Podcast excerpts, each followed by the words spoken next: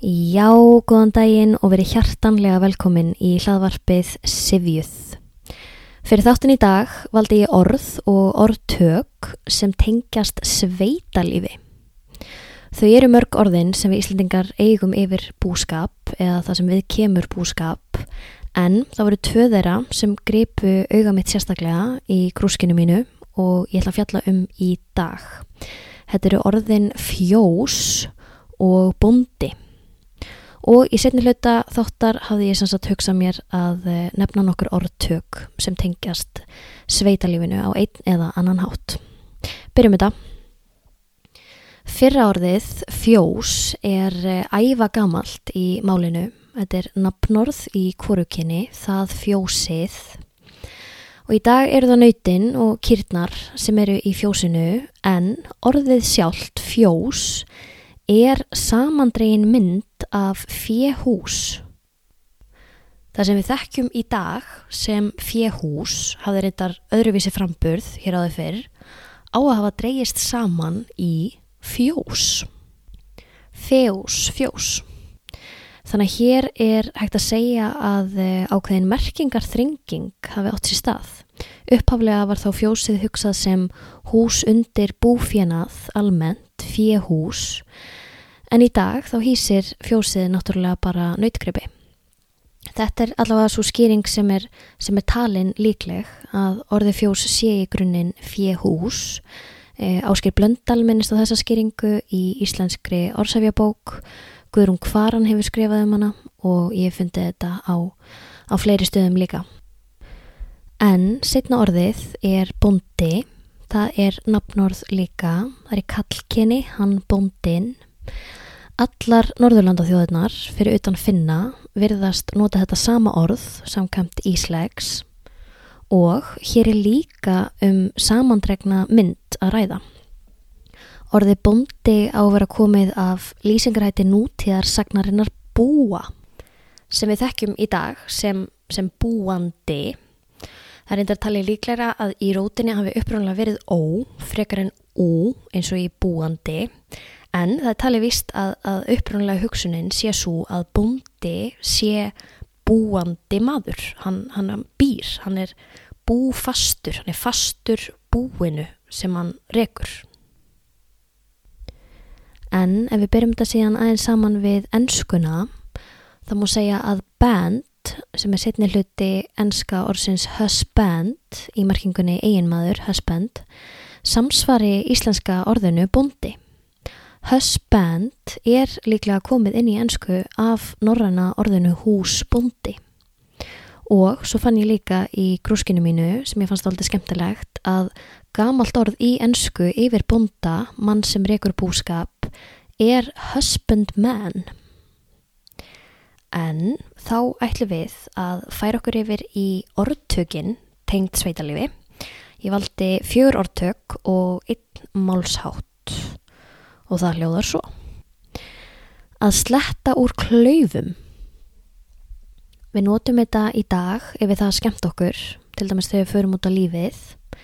En eh, líkingin er drein af því þegar kúnum er fyrst sleft út á vorin. Þá geta þær svo leið sprett af stað og þá spytna þær skýtnum úr klaufunum. Það eru svo fegnar að vera lausar og þær fagna frelsi sínu með þessum hætti. Þær sletta úr klaufum. Og þá er það að eh, færa út kvíarnar Það þekkjum við í dag í markingunni að eh, stækka við sig eða að eh, auka umsveif sín. En það er þannig að kví var áður fyrir rétt. Þetta var fjárrétt sem var stækkanleg. Það var hægt að bæta við hana grindum til þess að kindurnar hefðu meira pláss. Og þetta var kallað að færa út kvíarnar.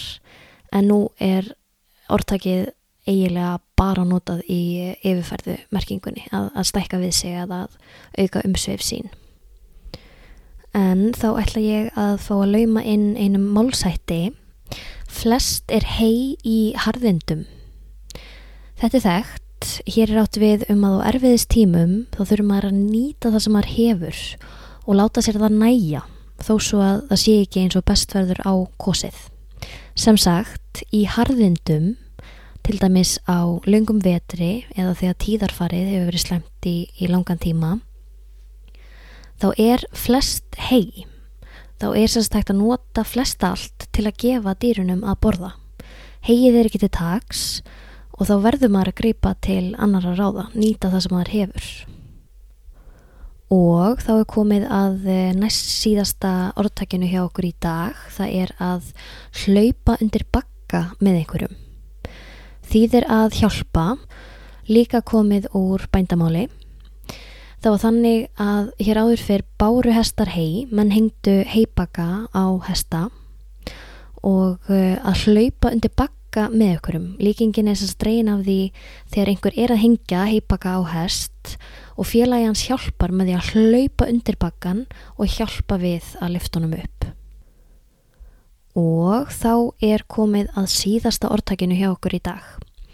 Þetta er orðtakið að ríða bakkamunin í merkingunni að ráða úrslitum samanber innkoma gunnu reið bakkamunin í fókbóltalegnum í gær og liðið hennar sigraði. Hvaða hugmynd ætli líki hér að baki þá erum við komin aftur að eh, hestunum sem bera hei og flytja það fyrir mennina. Heibaganir voru hengtir oftast á báðar hliðar hessins og bakkamunurinn var þess að þingdar munurinn, á þingd bakkana á korri hlið hessins.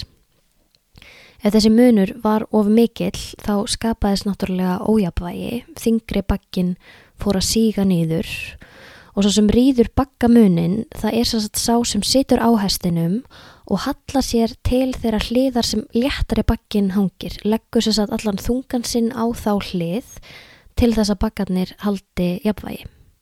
Þetta skiptir algjörlega sköpum, þetta ræður úrslitum á segja því þetta gerir hestinum kleift að, að halda för áfram.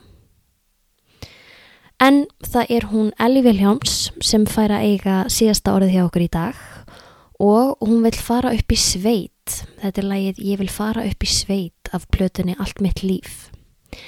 Hér syngur Elli sérst um að hann langi til að verða kaupakona sem áviðum konu sem er áðin í sveit yfir sumarið. Ég vil þakka vetulega Óskarsenni, málfræðingi, kærlega fyrir yfirferð og minna líka á okkur Ragnhildi Björk á Instagram, við kallum okkur Sivjuð hlaðvarp. Og ég vil líka þakka Guðrúnu Þórhaldsdóttur, uh, dósend í almennum álsundum heima við Hái, fyrir mjög svo góðar ábendingar. Takk fyrir hlustun, við heyrumst í næsta þætti. Ég vil fara sveit, þar í sumar vil ég vinna við þar er margt að finna. Ég vil reyna eitthvað nýtt. Því ég veit að allir elska kaupa konur Og ég jeppa, aftur skreppa. Ímislegt mun gerast þar um sumar kvöldin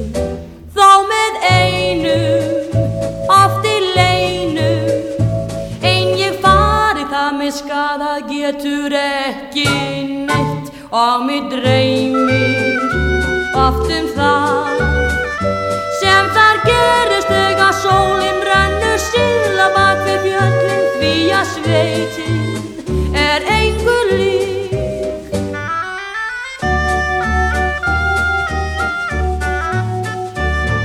Um ljósan nótt Við lækin bak við ásinn þú og ég. Og hvað þar verður kvísla veit ein nei. Nefna lækurinn Hann hlustar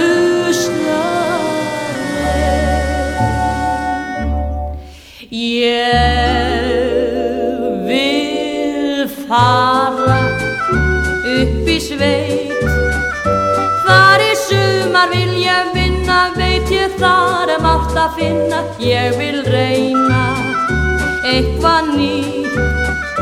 Því ég veit allir elska kaupa konur og ég jeppa oftur skreppa. Ímislegt mun gerast þar um sumar